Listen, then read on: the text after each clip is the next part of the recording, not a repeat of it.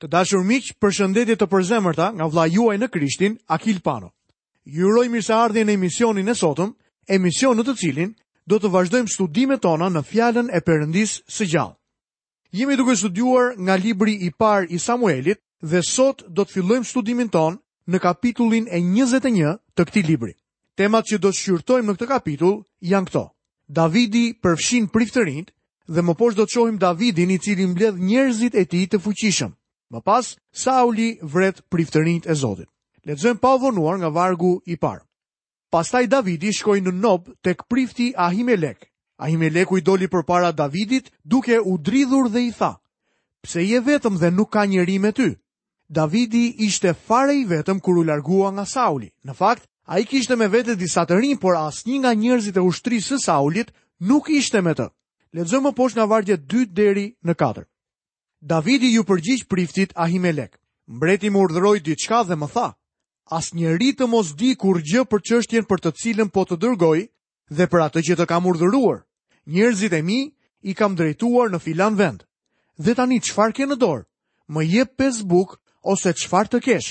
Prifti iu përgjigj Davidit duke thënë: Nuk kam bukë të zakonshme, ka vetëm bukë të shenjtëruar me kusht që burrat e tu t'u jenë përmbajtur së paku kontakteve me gratë. Këtu thuhet se bukët e vetme në dispozicion ishin ato që ishin në tryezën e paraqitjes që nuk haheshin nga njeri, veçse nga prifti dhe ai vetëm në një kohë të caktuar që ishte çdo ditë sabati kur ndryshohej buka. Lexojmë më poshtë nga vargu i pestë dhe i gjashtë. Davidi iu përgjigj priftit, kemi mbetur pa gra. Qysh se jemi nisur 3 ditë më parë. Enët e njerëzve të mi janë të pastra në fakt, edhe buka është e zakonshme megjithëse sot është shenjtëruar në enët. Kështu prifti i dha bukën e shenjtëruar sepse aty nuk kishte tjetër bukë veç asaj të paraqitjes, që ishte hequr nga prania e Zotit për ta zëvendësuar me bukë të ngrohtë në çastin kur hiqet. Edhe pse Izraeli kishte një fe apo besim të dhënë nga Perëndia dhe kjo bukë ishte e dedikuar për qëllime fetare, aty ndodheshin disa njerëz të uritur që kishin nevojë për ushqim. Ajo bukë do të ishte bërë e zakonshme nëse nuk do të ishte përdorur për të ushqyer gojë të uritura. Këtë gjë po thotë edhe Davidi. Duke i dhënë Davidit dhe njerëzve të tij bukën, prifti po thyente shkronjën e ligjit, por jo shpirtin e ligjit. Besoj se e mbani mend që farisenjtë e sfiduan Zotin Jezu Krisht duke i thënë se kishte thyer ligjin, gjë të cilën nuk e kishte bërë. Zoti i hodhi poshtë akuzat e tyre duke iu referuar kësaj ngjarje në jetën e Davidit. Tek Ungjilli i Markut, kapitulli 2, vargu 23 deri 28, shohim. Por ndodhi që një ditë të shtunë ai po kalonte nëpër ara dhe dishepujt e tij duke kaluar, filluan të këpusnin kallinj. Dhe farisenjtë i thanë: "Shi, përse po bëjnë atë që nuk është e ligjshme ditën e shtunë?" Por ai u tha atyre: "A nuk keni lexuar vallë ç'bëri Davidi kur pati nevojë dhe kishte uri? Ai dhe ç'qenë me të, se si hyri ai në shtëpinë e Perëndisë në kohën e kryepriftit Abiathar dhe hëngri bukët e paraqitjes, të cilat nuk lejohet t'i hajë askush përveç priftërinjve, dhe u dha edhe atyre që qenë me të. Pastaj u tha atyre: "E shtuna është bërë për njeriun dhe jo njeriu për të shtunën. Prandaj biri i njeriu është Zot edhe i së shtunës." Zoti Jezu Krisht po thoshte, nëse Davidi mund ta bënte këtë dhe nuk pati asnjë problem, para tyre ishte një tjetër më i madh se Davidi dhe sigurisht që edhe ai mund ta bënte. Davidi hëngri bukët e paraqitjes sepse ishte në nevojë. Krishti po thotë se nevojat njerëzore i zëvendësojnë të gjitha ritet dhe ligjet ceremoniale. Lexojmë poshtë vargun e shtatë. Atë ditë, ndodhej aty një nga shërbëtorët e Saulit që qëndronte përpara Zotit. quhej Doeg Edomiti, kryebariu i Saulit. Atë ditë në tabernakull ishte edhe një Judë Iskariot, emri i të cilit ishte Doeg dhe ai ishte Edomit.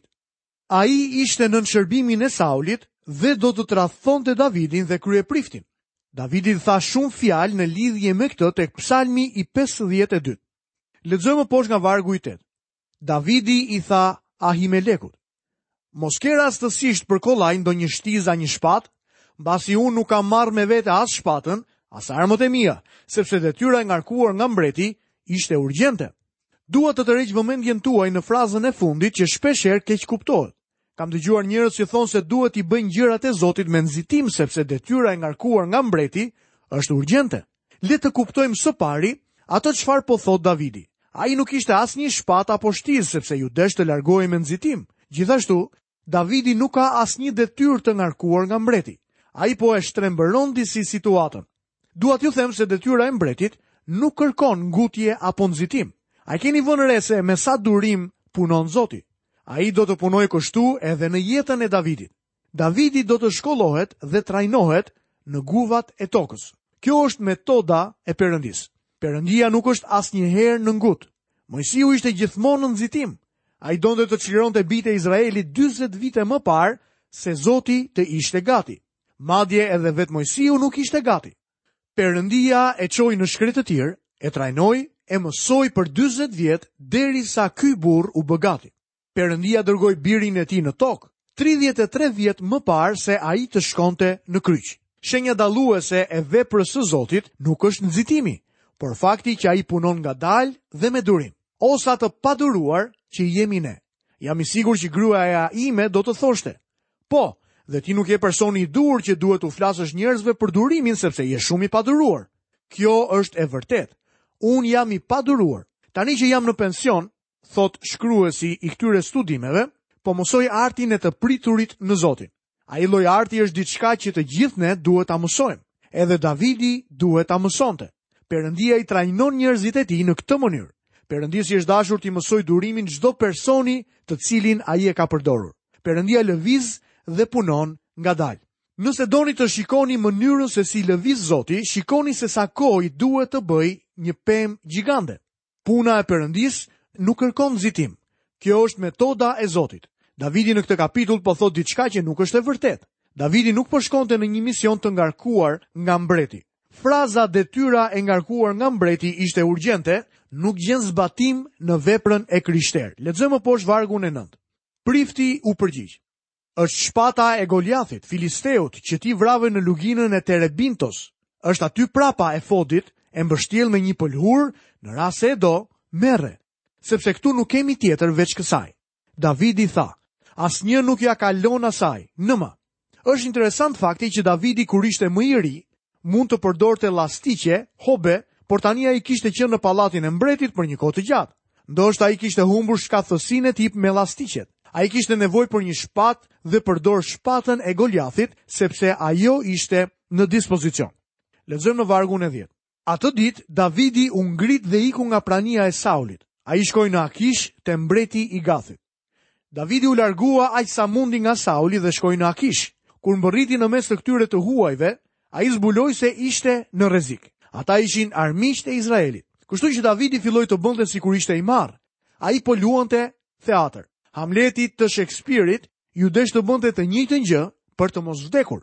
Lexojmë më poshtë në vargun e 15. Mos vallë më mungojnë të marrët dhe ju më sillni këtë për të bërë të marrin në praninë time? Ai nuk ka për të hyrë në shtëpinë time. Davidi e luajti mirë pjesën dhe mbreti i Akishit e besoi. Davidi nuk ishte më në rrezik në atë vend. Në kapitullin e 22 fillon ajo periudhë në jetën e Davidit kur fillon të fshihet nëpër guvat dhe strofullat e tokës. Ai po mëson se puna e mbretit nuk është diçka urgjente. Perëndia po e shkollon dhe trajnon atë njëlloj si njerëzit e tjerë. Gjatë këtyre viteve, kur ai fshihet nga prezenca e Saulit që kërkon ta vrasë atë, ai ndiqet dhe persekutohet. Ai është i detyruar të fshihet në pyll dhe në shpellat e tokës për t'i shpëtuar zemërimit të mbretit. Gjatë gjithë kësaj kohe, Davidi e përshkruan veten e tij kështu: Mua po më gjuajnë si një thëllëzë, i ngjaj pelikanit të shkretëtirës. Jam bërë si bufi i vendeve të shkretuara, Shpirti im është si në mes të luanëve. Ata kanë shtrirë një rrjet mbi hapat e mia. Davidi u lodh shumë gjatë këtyre viteve që largohej nga Sauli. Kur Sauli e bezdiste së tepërmi, ai kthehej në guvat e Adulamit, që është një mal shkëmbor në jugperëndim të Jeruzalemit, në një luginë midis Filistisë dhe Hebronit. Lexojmë nga vargu i parë dhe i dytë i kapitullit të 22 në librin e parë të Samuelit. Pastaj Davidi u nis që andej dhe u strehua në shpellën e Adulamit. Kur vëllezërit e tij dhe tërë shtëpia e atit të tij e mësuan, zbritën aty poshtë tek ai. Dhe tërë ata që hasnin vështirësi, që kishin borxhe ose që ishin të pakënaqur, u mblodhën pranë tij dhe ai u bë kreu i tyre. Ishin me të rreth 400 veta. Një krahasim i mrekullueshëm mund të bëhet midis Davidit gjatë kësaj periudhe të refuzimit të tij dhe Zotit Jezu Krisht. Kjo kohë në jetën e Davidit krahasohet me gjendjen aktuale të Zotit tonë. Unë dhe ti po jetojmë në ditët e refuzimit të tij. Bota e ka refuzuar Krishtin, ashtu si ishte refuzuar Davidi dhe kërkohej si një kafshë. Sauli, armiku i tij, vinte vërdallë dhe armiku ynë Satani vjen vërdallë edhe sot. Tek letra e parë e Pjetrit, kapitulli 5 dhe vargu i 8, thuhet: Jini të përmbajtur, rrini zgjuar sepse kundërshtari juaj djalli sillet rreth e qark si një luan vrumbullues, duke kërkuar cilin mund të përpijë. Davidi mund të thoshte se shpirti i tij ishte në mes të luanëve dhe ne mund të themi të njëjtën gjë. Gjatë kësaj periudhe Zoti po thërret nga kjo botë Një popull për emrin e tij. Ai po thërret ata që janë në rrezik, ata që janë në borxhe, ata që janë të pakënaqur. Në kohën e Davidit ekzistonin këto tre lloj klasash. Këta njerëz ishin në rrezik. Ata persekutoheshin dhe shtypeshin nga Sauli. Kishte shumë njerëz që ishin besnikë ndaj Saulit, por që në fund detyroheshin të arratiseshin për shkak se jetët e tyre viheshin në rrezik. Shumë shkuan tek Davidi dhe u bashkuan me të. Nëse keni ndjerë kamzhikun e padrejtësisë në botë, nëse keni ndjerë pabesinë, jeni shtypur dhe nuk keni ku të shkoni, atëherë shkoni tek Zoti Jezu Krisht. Shumë njerëz sot po përpiqen të gjejnë një zgjidhje për problemet e tyre duke iu drejtuar gjithçkaje. Disa jepen pas drogës, disa dehen, të tjerë kryejnë vetëvrasje. Një person po na thërret të gjithëve sot, sepse Biri i njeriut erdhi të kërkojë dhe të shpëtojë atë që kishte humbur. Ai dëshiron të të ndihmojë. Ai mund të të ndihmojë ty, sepse duke qenë se ai vetë hoqi kur u tundua, mund t'u vijë në ndihmë atyre që tundohen. A po tundohesh dhe testohesh sot? A je në rrezik? Ti ke nevojë për një shpëtimtar dhe ai po thërret të gjithë ata që do të vijnë tek ai. Gjatë kësaj kohe refuzimi tek Davidi erdhën edhe njerëz që ishin në borxhe. Borxhi është një kancer që shkatërron me çdo kusht. Në atë kohë kur një njeri futej në borxhe, humbiste pronësinë e tij dhe shitej në skllavëri. Njerëzit duhet të mbroheshin, por kjo nuk ndodhte. Sauli po lejonte që njerëzit të bëheshin skllevër. Ai nuk po e zbatonte aspak ligjin e Mojsiut. Mëkati na ka bërë borxhlinj tek Perëndia. Vetëm Perëndia mund të na i falë ato. Falja qëndronte në pagesën e një borxhi dhe ata që ishin në borxhe duhet të largoheshin. Davidi në fakt nuk e pagoi borxhin, por Krishti, po. Krishti pagoi borxhin e mëkatit duke vdekur në kryq. Ai na çliroi, ja se çfarë bëri Zoti Jezu Krisht për mua dhe për ty. Nëse kupton që je borxhli ndaj Zotit dhe nuk ke për të paguar, ai do ta paguajë atë borxh për ty. Ti mund të shkosh tek ai. Çfarë privilegji i mrekullueshëm. Tek Davidi erdhën edhe të pakënaqurit, pra ata që ishin të hidhëruar në shpirt. Rrethanat dhe përvojat e jetës i kishin hidhëruar. Vitet e fundit kanë vënë re plehra të shumta në vendin tonë dhe kudo në botë. Në disa zona është bërë një tmerr i vërtetë. Turma të tëra njerëzish marshojnë dhe protestojnë për këtë gjë. Në jetët e këtyre njerëzve ka një pakënaqësi të madhe. Miku im, jeta ka për t'u bërë e vështirë, për aq kohë sa nuk e sheh dorën e Perëndisë ashtu si Jozefi. Ekziston një person tek i cili mund të shkoni. Ai është Zoti Jezu Krisht. Krishti i cili u refuzua nga njerëzit, Ai thotë, ejani tek unë, o ju të gjithë të munduar dhe të rënduar, dhe unë do t'ju jap çlodhje. Gjithashtu Jezusi tha, nëse dikush ka etje, le të vijë tek unë e të pijë. Ndërkohë që Davidi në mërgim priste këta 400 njerëz në rrezik me borxhe dhe të pakënaqur, kini në mendje pamjen e Zotit Jezu Krisht në këtë kohë të refuzimit. Ai po thërret nga kjo botë një popull në emrin e tij. Lexojmë poshtë nga vargjet 3 dhe 4. Që andej Davidi shkoi në Mitspa të Moabit dhe i tha mbretit të Moabit: Lejo që ati dhe nëna ime të vijnë dhe të banojnë me ju, derisa unë të mësoj se çfarë do të bëjë Perëndia me mua. Kështu ai i çoi përpara mbretit të Moabit dhe ata qëndruan me të tërë kohën që Davidi ndodhej në fortesë. Largimin për në Moab e bëri edhe një familje tjetër disa breza përpara Davidit. Elimeleku besoj se e mbani mend, gjatë periudhës së urisë në Izrael, e çoi familjen e tij në Moab. Për shkak të kësaj, Ruthi, Moabitja, hyri në historinë e Biblës. Ati i Davidit ishte nipi i madh i Ruthit, Moabites. Kjo është padyshim arsyeja që mbreti i Moabit i lejoi prindërit e Davidit të qëndronin në Moab. Fakti që Davidi largohet nga Izraeli dhe shkon në Moab tregon se ishte i frikësuar. Unë personalisht nuk mendoj se ai duhet të ishte larguar nga Izraeli, sepse nëse do të qëndronte, Perëndia do ta kishte mbrojtur. Besimi i tij ishte disi i lëkundur në këtë kohë, ashtu siç besimi i Abrahamit kur shkoi në Egjipt. Lexojmë më poshtë nga vargu 5 deri në vargun 8. Pastaj profeti Gad i tha Davidit: Mos qëndro më në fortesë, por nisu dhe shko në vendin e Judës. Atëherë Davidi u nis dhe shkoi në pyllin e Herethit. Kur Sauli mësoi që Davidi dhe njerëzit që ishin me të qenë zbuluar, Sauli ndodhej atëherë në Gibah, poshtë në drurin e marinës në Rama, me ushtën e tij në dorë dhe të gjithë shërbëtorët e tij e rrethonin. Sauli u tha shërbëtorëve që i rrinin rreth e përqark, Më dëgjoni tani, Benjaminit, biri i Isait do t'ju japë juve ara dhe vreshta, do t'ju bëjë të gjithë komandantë të mijësheve dhe të qindsheve? Të gjithë ju keni komplotuar dhe asnjë nga ju nuk më ka informuar për besëlidhjen që im bir ka lidhur me birin e Isait dhe nuk ka asnjë prej jush që t'i vijë keq për mua dhe të më njoftojë që im bir ka ngritur kundër meje shërbëtorin tim që të më kurdisë kurthe siç bën sot. Duket sikur Sauli po zhvillon disa prirje paranojake. Ai ka një kompleks persekutimi, ndoshta ai mund t'i japë të drejtë këtij kompleksi për shkak se ka zbuluar se biri i tij nuk ishte qenë besnik me të. Ai po habitet përse njerëzit e tij nuk ia kishin treguar atij këtë fakt. Megjithatë, ishte një njeri që e dinte se ku ishte Davidi dhe ai i tregon Saulit gjithçka që dinte.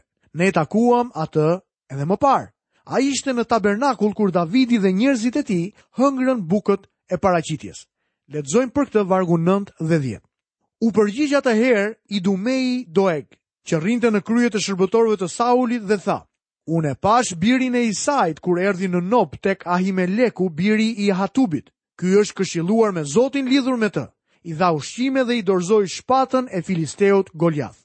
Të dashur miq, vazhdimin e historisë do ta ndiqni në programin e herës së ardhshme. Minutave tona për sot u ka ardhur fundi, nga vëllai juaj në Krishtin Akil Pano, paçi të gjitha bekimet dhe paqen e Perëndisë në jetën tuaj. Bashkë mirudëgjofshim në emisionin e ardhshëm.